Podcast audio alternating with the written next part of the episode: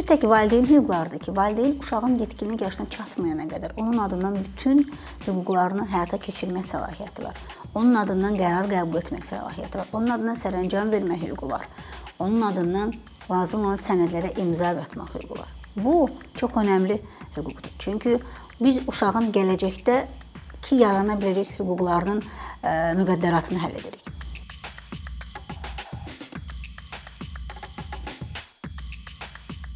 Vəkillərə ən çox sual verilən sahələrdən biri ailə mübahisələridir, ailə qanunvericiliyidir. Valideyn övladından imtina edə bilərmi? Hansı hallarda valideynlik hüquqları məhdudlaşdırıla bilər? Və ya atanın, ananın övladı ilə ünsiyyəti nə zaman məhdudlaşdırıla bilər? Bu gün bu suallara cavab verməyə çalışacağıq. Qonağımız Vəkillər Kollegiyasının üzvü Könül İskəndərlidir. Könül xanım, xoş gəlmisiniz. Çox sağ olun, təşəkkür edirəm. Mən sizə təşəkkür edirəm ki, dəvət etmisiniz. Könül xanım, valideynlik hüquqları hansı hallarda məhdudlaşdırıla bilər? İlk olaraq mən belə bir məqama toxunmaq istirdim ki, valideynlik hüquqları kimlərə münasibətdə, uşaqlara münasibətdə təbii ki, məhdudlaşdıra bilər. Uşaq bildiyimiz kimi Ailə Məcəlləsi uşağı belə bir anlayış verir ki, yetkinlik yaşına çatmayan, tam fəaliyyət qəbul fəaliyyət qəbuliyyəti əldə etməyən uşaq hesab olunur. Uşaq ə, dövlətin xüsusi himayəsindədir və bu hüquqlar onların valideynlər tərəfindən uşaqlara olan hüquqlarının sui-istifadəsinə qəti şəkildə qadağan olunur və qəti şəkildə icazə verilmir və bunlar həqiqətən də nəzarətdə olan məhkəmələr tərəfindən çox ciddi və həssas baxılan işlər siyahısındadır. Valideynlər hüququndan məhdudlaşdırılma və məhrum etmə kimi anlayışlar var. Ümumiyyətlə valideynlərin belə bir hüquqları var. Uşaqları ilə deməli ünsiyyətdə olmaq hüququ, onların səhhəti ilə, təhsili ilə maraqlanmaq hüququ. Bilirsiniz, valideynlərə sırf uşağın valideynləri qanunda ata və ana hesab olunur. Ata-ananın o hüququ və vəzifələri var ki, hansılar ki bir bir mənalı şərtləndirilibdir. Məsəl üçün atanın e, uşağa münasibətdə hüququ var, ananın uşağa münasibətdə hüququ var. Hər iki valideynin hüquqları bərabərdir və vəzifələri eləcə də bərabərdir. Bir tərəf digər tərəf nikah pozulduqdan sonra bir çox hallarda nəyi səhvsə alır. Uşaq ananın himayəsinə verirsə, ana hesab edir ki, bütün hüquqlar onun üzərindədir və ataya münasibətdə olan hüquqlardan e, belə deyək, sui-istifadə edə bilər və yaxud onları kəsib kənara ata bilər. Ata hesab edir ki, uşaq anadadsa, deməli onun vəzifələrini icra etməməlidir bir halda ki, ananın himayəsindədirsən, bunun hər hansı bir cəhətdə məhdudlaşdıra bilər. Elə deyil. Bir tək valideyn hüquqlarıdır ki, onlar kəskin olaraq şərt olaraq göstərilir. Bir tək valideyn hüquqlarıdır ki, valideyn uşağın yetkinlik yaşına çatmayana qədər onun adından bütün hüquqlarını həyata keçirmək səlahiyyəti var. Onun adından qərar qəbul etmək səlahiyyəti var. Onun adından sərəncam vermək hüququ var. Onun adından lazım olan sənədlərə imza atmaq hüququ var. Bu çox önəmli hüquqdur. Çünki biz uşağın gələcəkdə ki yarana biləcək hüquqlarının e, müqəddəratını həll edirik. E, Valideyn hüququndan məhrum olması üçün e, bir bir sıra şərtlər var. Onlardan biri əsas odur ki, valideynlər öz hüquqlarını, öz vəzifələrindən sui-istifadə etdikdə, öz hüquqlarından sui-istifadə etdikdə, valideynlər qəsdən aliment ödəmədikdə, valideyn uşağı doğum ata və ana hər hansı biri uşağı doğum evindən götürmədikdə və yaxud sosial müəssisə sosial xidmətlər müəssisəsindən götürmədikdə, valideynlərdən biri alkoqolizmdən, narkomaniyadan xəstə olduqda, daha sonra valideynlərdən biri digər valideynə qarşı, ata-anaya qarşı ağır xəsarət yetirməklə cinayət hadisəsi törətməkdir. Bu hallar məcəllədə birbaşa şərtləndirilir ki, e, deməli bu halların olması artıq ailə məcəlləsində məhrum edilməsini, valideyn hüququnun məhrum edilməsini gətirib çıxara bilər. Amma e, bizim e, Azərbaycan Respublikasında məhkəmələrində və ümumiyyətlə uşağın dediyim kimi xüsusi nəzarətdə olduğuna görə uşağın gələcəkdə valideynin bu gün verəcəyi qərar gələcəkdə onun mənafiəsinə zidd olmasın, olmaması üçün bu gün məhkəmələr bəzən o şərtlər olduğu halda belə belə deyək, ananın ataya qarşı iddia qaldırıb valideyn məhrum etmək istədiyi halda tutaq ki, aliment ödəmədikdə bu hallarda ən çox bu gün rastlaşılan məqamlar odur ki, ana hesab edir ki, 2 ildə aliment ödəmir.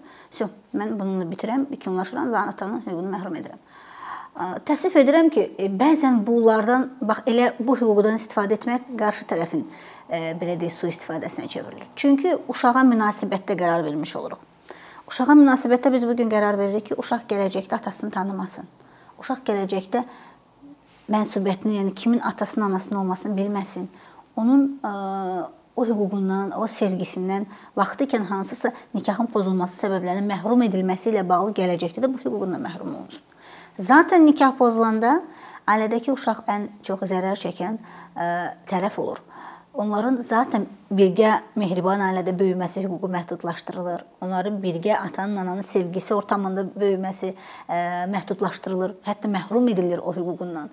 Onların ə, ata ilə ana ilə eyni zamanda vaxt keçirmələrinin, yəni belə xoşbəxt ailə içərisində böyüməsini zaten məhdudlaşdırırlar valideynlər. Ki bu da bundan sonrakı yaranmış hüquqların məhdudlaşdırılması artıq biraz övladlarına qarşı deyil də valideynlərin özlərinə qarşı yaranmış eqoları ucbatından yaranmış mübahisələr olduqda məhkəmələr buna başqa cür qiymət verirlər. Mən hesab edirəm ki, haqlıdır. Çünki biz bu günləri hər hansı bir valideyn hüququnu məhrum ediriksə və yaxud məhdudlaşdırırıqsa, biz valideyn həqiqətən də uşağın mənafesi nəzərə alınmalıdır.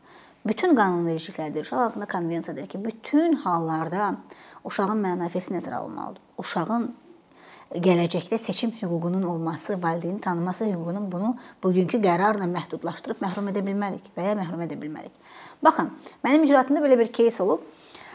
Uşaq deməli ata-ana ailə olurlar. Ana 7 aylıq bətnində, bətnində uşağa hamilə olur və mübahisələri baş verir. Ata ananın boğazını kəsir, daha sonra bir bıçaqla ananın qarnına bıçaq xəsarəti yetirir. Bu artıq qəsdən sağlamlığa zərər yetirmədir, ağır zərər yetirmədir və belə deyək, qəsdən cinayətin törədilməsidir ki, və daha şəxs şəxsə qarşı törədildikdə xüsusilə ağır cinayətin tərkibini yaradır və şəxsə qəsdən sağlamlığa ağır zərərin yetirməsi ilə bağlı 2 və daha çox şəxsə, çünki hamilə olur, artıq 7 aylıq uşaq bətni olur, cinayət işi başlayırlar.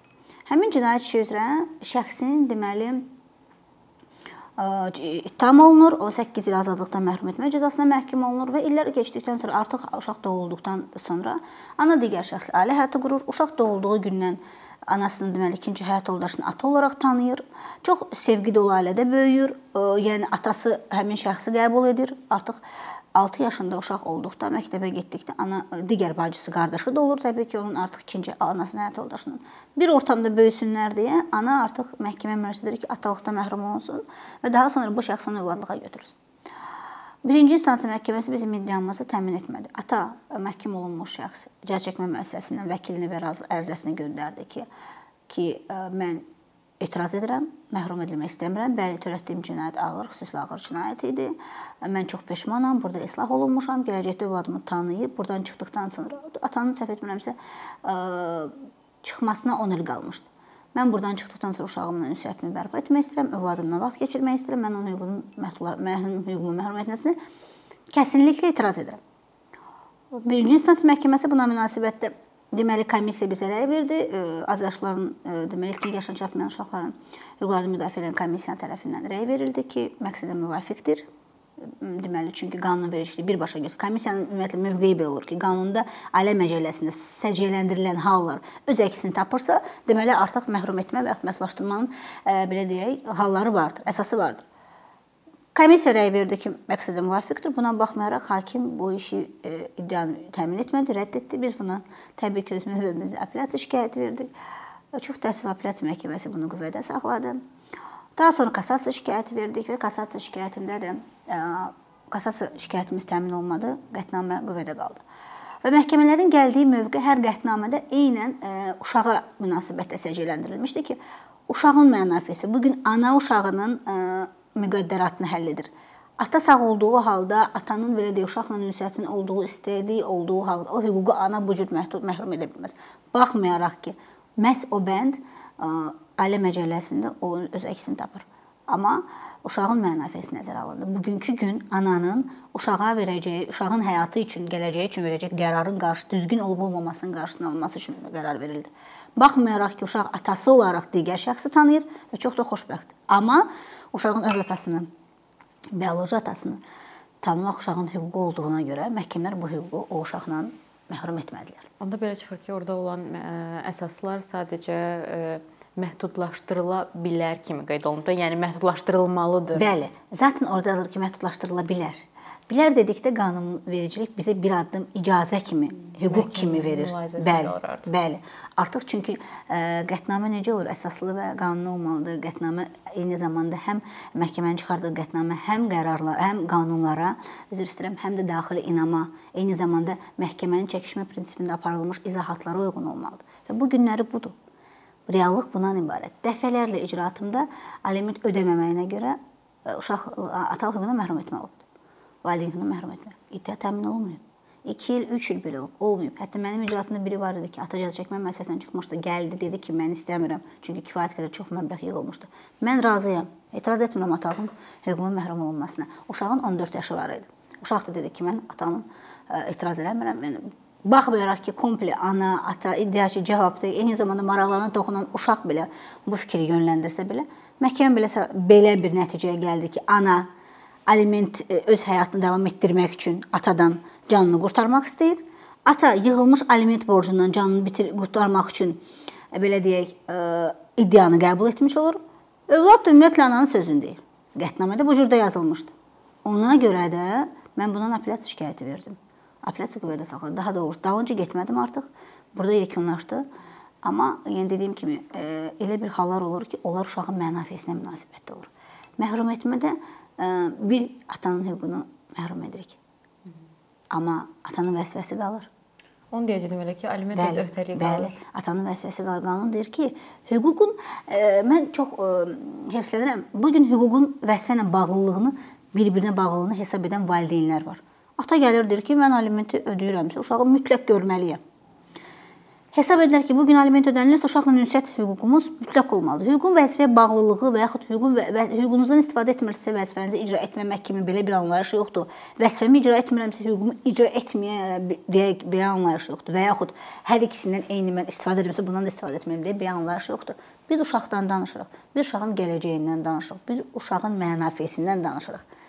Hər bir ata aliment ödəyəndə ilk növbədə düşünür ki, bu pulu həyat yoldaşına verir heç bir halda düşünmür ki, birgə ailədə olduğumuz halda belə, birgə yaşadığımız, birgə təsərrüfat apardığımız hallarda belə mən bu xərcləri zaten çəkirəm. Bu xərcin 5 manat övladıma getmiş olsun, bu gün 15 manat övladıma getmiş olsun, təsiri yoxdur. Bəs düşünmürükmü ki, bir valideynin e, sevgisindən yaşayan, digər valideyn sevgisindən mütəmadi e, istifadə edə bilməyən, ara-sıra görən, ara-sıra sevgi alan, ara-sıra şəfqət alan, diqqət alan övlad da var. Birimiz üstümüzü yorğanımıza çəkib yatırıq. Bəs düşünmürükmü ki, orada balaca bir ürək var, atanı istəyə bilər.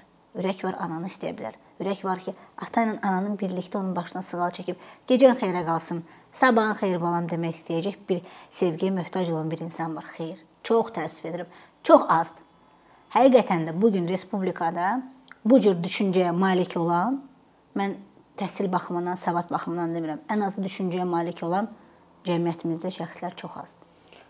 Gönül xanım, valideynlik hüquqlarından məhrum ediləndə şəxs ümumiyyətlə bu hansı hüquqi nəticələr yaradır onun üçün? O hansı hüquqlardan məhrum olur? O artıq nələr edə bilmir və hansı öhdəlikləri hələ də qalır onda? Mən sizə deyim. Deməli, valideyn hüququ məhrum etdikdə uşağa qarşı bütün hüquqlarından məhrum olmuş olur. Uşaqla ünsiyyət, uşaqla görüşmək, səhhətinə maraqlanmaq, bütün o hüququnu məhrum edir. Amma vəzifəsi olaraq ki, atanın vəzifəsi var, başlıca vəzifəsi aliment ödəməsi başlıca vəzifələrindən biridir. O hüquq, o, o vəzifə ondan ixtisara salınmır və istənilən digər vəzifələrini icra etmək məcburiyyətindədir. Ancaq uşaq övladlığa götürüldükdən sonra, götürüldükdən sonra atanın aliment ödəməsi hissəsi məsələsi dayandırıla bilər.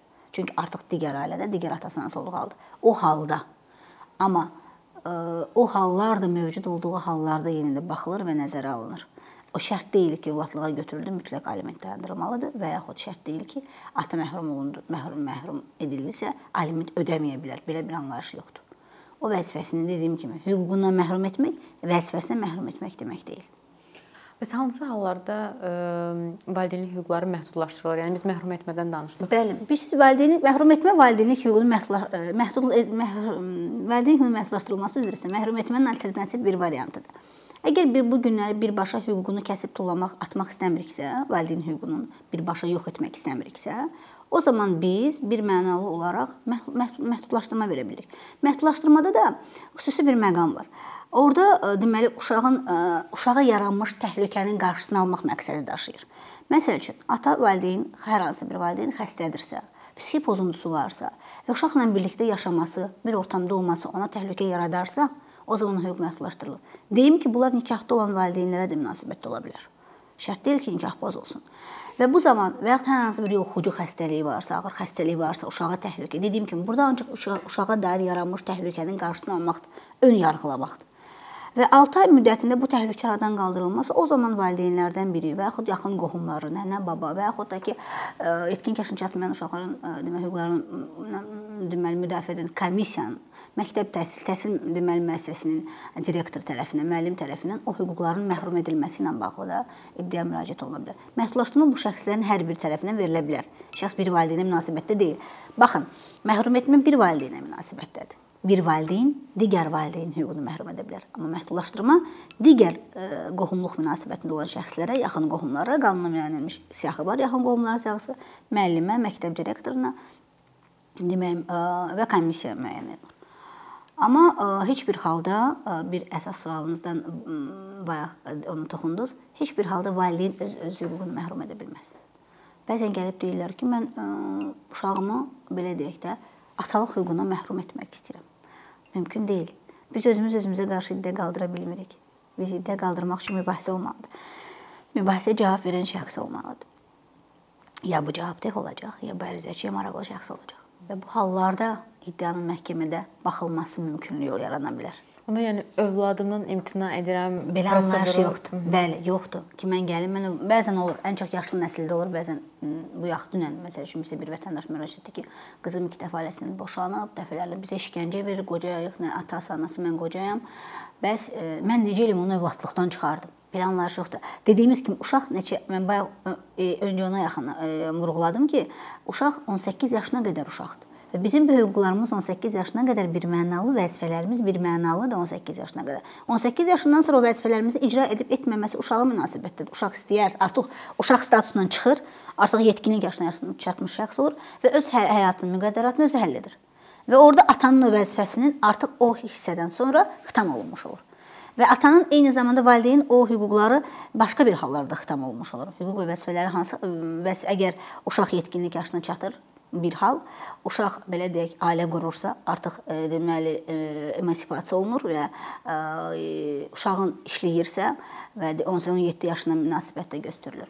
Və bu hallarda e, deməli e, və uşaq müəllif hüquqları filan əldə edirsə, bu hallarda artıq e, yetkinlik yaşı statusunu almış olur. Yəni artıq belə deyək, yetkin şəxs kimi olur. Baxmayaraq ki, bu 17 yaşında baş verə bilər. Və orada atanın artıq hüquqları xitam, e, üzr istəyirəm, vəzifələri xitam olunur və atanın deməli həmin e, uşaq özü öz istəyərsə edər, istəməzsə etməz. Və e, bu yaşlarda gəlib demək ki, övladımdan imtina edirəm, yoxdur. Heç kiçik yaşlarında da yoxdur. Hətta belə uşaq olduğu dövrdə də ata uşağa münasibətdə öz hüququndan imtina etmək hüququ yoxdur. Ancaq digər valideyn yetkinlik yaşına çatmayan övladına münasibətdə digər valideyn hüququnu məhrum edə bilər. Valideynlik hüquqlarının məhdudlaşdırılması, məhdudlaşdırılmasının hansı hüquqi nəticələri var və sonradan bu hüquqları bərpa etmək mümkündürmü? Bəli, biraz öncə qeyd etdim ki, məhdudlaşdırılmış hüquq sonradan bərpa oluna bilər. Yəni yaranmış təhlükə aradan qalxdıqda, ata xəstə idisə sağaldıqda, yoxucu xəstə idisə keçdi getdikdə və yaxud atanın psixoloji durumu düzəldikdə, yəni təhlükə aradan qaldırıldıqda, bəli, məhdudlaşdırma o mətmət adından bəlli oldu ki, məhdudlaşdırma bərpa olunur və e, normal e, hüquqa yenidən qayıtmaq olur. Lakin 6 ay müddətində bərpa olunmadığı halda hüquq verir ki, digər tərəfə onun məhrum etməsi ilə bağlı məhkəmə müraciət. Əgər sübut etməlidir ki, bu xəstəlik sağalmayandır, düzəlməyəndir, təhlükə aradan qaldırılmayacaqdır və gələcəkdə bu təhlükə övladına qarşı, övlada qarşı, uşağa qarşı daha da ciddiləşər. Bu halda bəli, mümkündür. Aradan qaldırılması və yenidən hüquqlarının bərpa edilməsi. Məhkəmə təcrübəsində bilirik ki, çox vaxt övladları, uşaqları ananın himayəsində saxlayırlar. Birinci sualım ünsiyyət hüququ ilə bağlı olacaq. Kimdə qalırsa valideyn artıq anada, atada qalırsa qarşı tərəfin hüquqlarının ünsiyyətlə bağlı və ümumiyyətlə məhkəmə bu məsələləri necə araşdırır? Kimdə qalsın, anada yoxsa atada uşaq? Hər iki tərəfin iddiası varsa ki, Hı. yəni hər iki tərəf istəyirsə ki, uşaq onunla qalsın. Aydındır. Nikahın pozulması ə, hallarında uşaq deməli nikahın pozulması və uşağın kimin himayəsində qalması məsələsinə mütləq baxılır. Və bu baxıldıqda uşaqların yaşı nəzərə alınır. Bilirsiniz ki, ə, ki artıq 2-7 yaşından uşağın deməli ananı ilə üzr istəmə, uşağın 7 yaşında artıq fikri məhkəmədə dinlənilir və uşağın seçim hüququ nəzərə alınır. Əvvəl 10 yaş idi, indi 7 yaşa endirilib. Və uşaqların bu günləri praktikada belə bir hal var ki, bir uşaq məsəl üçün 4 yaşındadır, digər uşaq 8 yaşındadır. Yəni birinin hüququ var ki, məhkəmədə eyni zamanda komissiyada öz fikrini bildirsin. Digərinin hüququ yoxdursa, bir mənalı anaya verirlər, çünki az yaşlıdır. Daha çox anaya bağlılığını təsbit edəcək halları üstünlük götürərək onu edirlər. Və ə, hətta belə olur ki, uşaq gəlib desə ki, mən atamı istəyirəm 7-8 yaşında Çox hallarda onu yenidən anaya verirlər. Niyə? Çünki ki uşağın bacı qardaşın, qardaş qardaşın, bacı bacının bir-birindən ayrı yad şəxs kimi böyüməməsi e, nəticəsilə. Yenə də bu hallarda e, uşağın ona mənəfi ilə münasibət edirlər. Ola bilər ki, 8 yaşında uşaq fikrini tam irəli sürə bilməsin. Bu gün hesab etsin ki, 8 yaş bu gün 8 yaşında uşaq nə düşünməyəcək? Hətta həmin anasını, hətta atasını istə bilər. Ola bilər ki, ananın sözləri ataya qarşı çıxsın, atanın sözləri anaya anaya anaya qarşı çıxsın.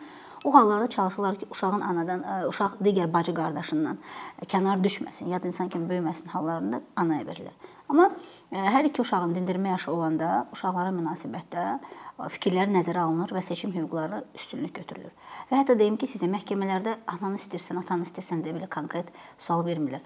Hakimlər çox həssas yanaşırlar bu məsələyə. Uşağın dindirmə anında, uşağın danışılan anında, uşaqla münasibətdə, ünsiyyətdə o dərəcədə səmimi, o dərəcədə belə deyək, bəsit dildə danışırlar ki, uşaq həqiqətən də o zaten məhkəmənin binası, inzibati binası o stress ona kifayət edir. Heç olmasa o stresi aradan qaldırılmaq üçün səmimi münasibət yaradılır və düşünürəm ki, bu çox yaxın yaxşı yanaşmadır. Son dönəm ümumiyyətlə bir çox seminarlar, təlimlər, uşaqla bağlı hüquqlarla bağlı keçirilən təlimlərin bugünkü dövrdə həm vəkillərə, həm hakimlərə böyük bir e, vəzifə qoyur ki, uşaqla bağlı münasibətlərdə, uşaqla bağlı iddialarda həssaslıqla, diqqətlə e, yanaşmaq lazımdır. Və uşaqların seçimi kimədirsə ona verirlər. Əslində belə deyək, çox hallarda anaya münasibətdə verirlər. Dediyim kimi bu sadəcə e, şərt olaraq deyil ki, illa ki ananın yanında qalmalı. Sadəcə uşağın münasibətdə ki, uşaq ananın həqiqətən az yaşlı olduqda 7 yaşına çatmayanda məsələn, uşaq anaya daha çox bağlı olur. Ona münasibətdə bu cür e, qərarlar daha tez-tez çıxarılmasına rast gəlmiş oluruq. Kərim xanım çox sağ olun. Dəvətimizi qəbul edib gəldiyiniz üçün. Mən sizə təşəkkür edirəm. Mən də çox xoş oldu. Thank you.